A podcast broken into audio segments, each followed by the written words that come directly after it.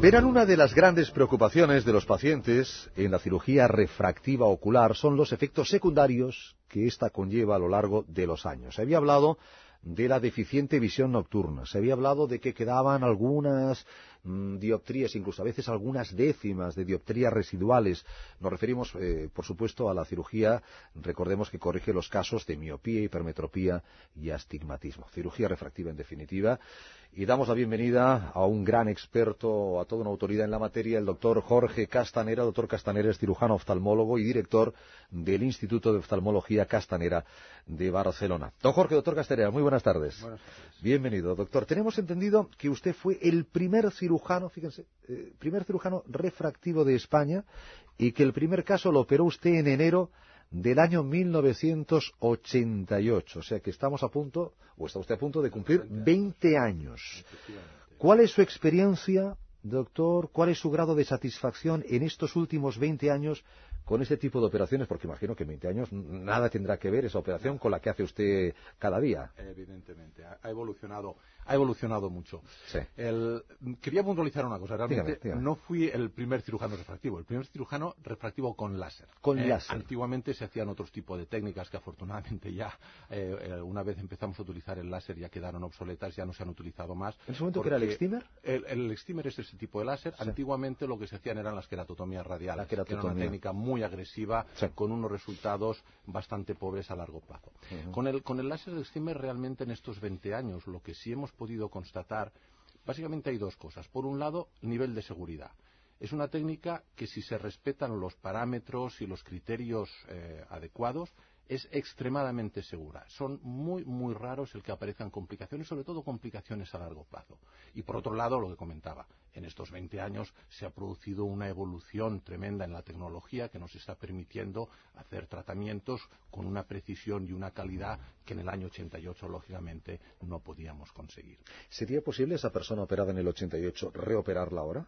Si, si hubiera quedado alguna mm, dioptría residual, porque en aquel momento la técnica no apuraba, no era tan sofisticada como la que tienen ustedes ahora. Sí, sí, evidentemente se pueden hacer este tipo de reintervenciones. Sí. De hecho, las estamos haciendo en algunos casos. Ujú. Entre otras cosas, por ejemplo, en aquella época corregíamos miopía, pero no astigmatismo. Entonces, estos astigmatismos que quedaban porque no se podían corregir, Sí. ahora en este momento muchos de ellos los estamos corrigiendo. Y también incluso para mejorar estos, estos síntomas acompañantes que tenían las técnicas más antiguas, como son estos problemas de visión nocturna con halos y reflejos. Es. Esto es una cosa que la, la tecnología actual nos permite dar bastantes, bastantes soluciones. Eso, eso de la visión nocturna me, me- me han contado, doctor Castanera, que le preocupa sobre todo a los miopes, que, que- que hay muchísimos miopes. Les preocupa mucho eh, cómo puede influir la intervención sobre este tema. ¿Hay soluciones para mejorar este problema a día de Sí, hoy? sí, sí, realmente el- este problema de los, los halos y los, los deslumbramientos nocturnos que, que quejaban los miopes operados, esto es una cosa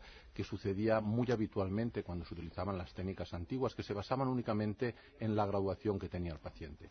Hoy en día lo que pretendemos no es solo corregir las dioptrías que tiene un paciente, sino lo que pretendemos es darle la mejor calidad posible de visión. Entonces, para ello lo que se hace no es simplemente graduar el ojo antes de operarlo, sino que hacemos un estudio completo de cuáles son las características ópticas globales de este ojo. Se hacen aberrometrías, se hacen mediciones de la esfericidad corneal, se mide el diámetro de la pupila, se mide toda una serie de parámetros. Entonces, con todos estos parámetros lo que hacemos es diseñar un tratamiento optimizado para lo que ese paciente en concreto necesita. Es lo que se llaman los tratamientos personalizados. Hoy por hoy este tipo de tratamientos lo que nos permite es mucha más precisión en la corrección de los defectos y por otro lado lo que nos permite conseguir es una calidad visual muy superior, sobre todo en estos problemas de visión nocturna que no es que se hayan eliminado del todo, pero ya son muy raros de que lleguen a ser significativos para el paciente. Entonces, realmente hoy por hoy este tipo de tratamientos personalizados se están convirtiendo en el estándar o deberían convertirse en el estándar de la cirugía refractiva con la, de la miopía. Hablamos de cirugía refractiva personalizada con el doctor Jorge Castanera y un teléfono de contacto 93-217-3704. Hablamos de personalizada, entonces cada persona es un mundo y lo importante es que eh, lo pregunte, lo consulte personalmente. Aquí hablamos a nivel general, por supuesto. 93217 3704, le recuerdo que está en la, el Instituto Castanera está en la Biogusta 2022 de Barcelona y tiene una página web donde va a informarse de todo lo que usted desee, institutocastanera.com castanera.com. Dígame, don, don Jorge, mm, hay personas que nos han preguntado, oiga, ¿qué es lo que pasa si uno se mueve durante la operación? Claro, es todo tan preciso, el láser. ¿Qué pasa si uno se mueve durante la operación? Es decir, ¿cómo controlan ustedes el movimiento de un paciente cuando estamos hablando de microcirugía? Eh, esa persona debe tener a lo mejor miedo a, dice, incluso es que el parpadeo, no sé. Sí, sí, evidentemente. ¿Cómo lo hacen ustedes? Cuanto más inmóvil esté el ojo durante, durante el tratamiento, más fácil es de conseguir un buen resultado, evidentemente. Lo que pasa es que, claro, eh, somos todos conscientes de que conseguir la inmovilidad absoluta de un ojo es prácticamente imposible, incluso en los pacientes más colaboradores. Afortunadamente, en este sentido, la tecnología nos echa una mano. Entonces, los láseres actuales tenemos dos sistemas. Por un lado, hay un sistema de seguimiento activo basado en cámaras infrarrojas, que lo que hacemos es como, como cuando salen los misiles que tienen, se les pone un blanco y el misil va siguiendo el blanco aunque se mueve. Aquí hay una cosa parecida. Lo que se hace es fijar la posición del ojo antes de empezar el tratamiento y a partir de ahí el láser se encarga de seguir estos pequeños movimientos que hace el ojo, con lo cual el paciente puede estar relativamente relajado porque aunque haga pequeños movimientos el láser los va a compensar con este sistema de seguimiento. Y por otro lado, estos sistemas personalizados también nos permiten una gran ventaja. Y es que cuando estamos tomando toda esta serie de datos del paciente, al mismo tiempo lo que estamos haciendo es obtener una imagen de su iris. Esta imagen la pasamos al láser y el láser hace dos cosas. Por un lado, reconoce ese iris, con lo cual evitamos el teórico riesgo de estar haciendo un tratamiento a un paciente que no es el que tiene que recibir ese tratamiento, porque el iris no hay dos iguales. Y por otro lado, el, láser reconoce cómo está ese iris y ajusta la posición del tratamiento para conseguir que el centrado sea lo más perfecto posible. Entonces, entre estas dos tecnologías, lógicamente, eso no quiere decir que el paciente no tenga que poner de su parte. Es importante que el paciente ponga de su parte la máxima ayuda posible, pero que tiene que estar relajado porque con un mínimo de colaboración el, tratamiento va a tener un resultado satisfactorio. Que además en cuestión de tiempo es muy poco. Es poco, es poco. Aplicación del láser, una miopía de tres dioptrías, por ejemplo, lo que es la aplicación del láser pueden ser 30 segundos. ¿eh? No, son tampoco tratamientos muy prolongados. Le pido que, usted 30 segundos, lo más quieto que pueda. No, es, no es difícil. ¿eh? Lo que pasa es que, bueno, es normal que un cierto nerviosismo se pueda tener cuando uno se está operando. Pero bueno, hay, hay estos mecanismos de, control. Decíamos, doctor Castaneda, hace un momento que, claro, cuando usted empezó hace 20 años, las técnicas han evolucionado, pero a día de hoy, año ya mm, prácticamente dos, 2008, eh, ¿hace falta volver a repetir el proceso al cabo de unos años cuando hablamos de miopía, hipermetropía o astigmatismo o ya las técnicas son suficientemente importantes como para que no tenga por qué estar limitada en el tiempo? No, a ver, realmente el, efecto que estamos consiguiendo con la cirugía, mm. ese efecto es duradero, en principio definitivo.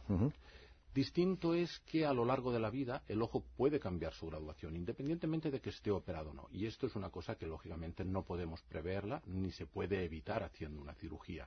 Entonces, claro, esto es un, el ejemplo típico, es una señora que después de un embarazo la miopía le aumenta. Esto una cirugía previa lógicamente no lo puede evitar. Pero eh, lo que es el efecto corrector que hemos conseguido con la cirugía, ese va a permanecer. Claro, en estos casos en que a pesar de todo, con los años se ha podido producir algún cambio en la graduación del ojo, se pueden analizar y se pueden hacer retratamientos incluso diferidos si es que las condiciones del ojo lo permiten. Por cierto, doctor Castanera, el operarse de cirugía refractiva condiciona posibles soluciones ante otras patologías que pueden surgir en un futuro. Pienso en las cataratas, por ejemplo. Mm, no, no, no, en absoluto. Una vez está el ojo cicatrizado, realmente se comporta a todos los efectos como un ojo no, tocado. no tocado. Cualquier patología que ese ojo tenga que tener la puede tener exactamente igual aunque no esté previamente operado. en ese sentido no hay ningún efecto. Y cualquier cirugía, cualquier tratamiento que se tenga que aplicar se puede aplicar exactamente igual. En el caso concreto de las cataratas, que es la patología más frecuente que, bueno, un gran porcentaje de la población acabará teniéndola. Yo quiero que me operen de cataratas. Eso será señal de que llega a una determinada edad. Exactamente, exactamente. No, entonces ahí lo único que hay que tener en cuenta es que, claro, al haber hecho una cirugía que ha cambiado la graduación del ojo, hemos de tenerlo en cuenta a la hora de calcular la lente intraocular que se pondrá al operar esa catarata. Pero la cirugía se puede hacer con entera tranquilidad. No hay ninguna limitación en ese sentido. Institutocastanera.com, ahí van a encontrar todas las preguntas a sus, eh, o todas las respuestas a sus preguntas. Biogusta 2022 y un teléfono 93 217 3704. 93 217 3704. Don Jorge, doctor Castanera, cirujano oftalmólogo, director del Instituto de Oftalmología Castanera de Barcelona. Gracias por su tiempo, doctor. Gracias a usted. Un abrazo, buenas tardes.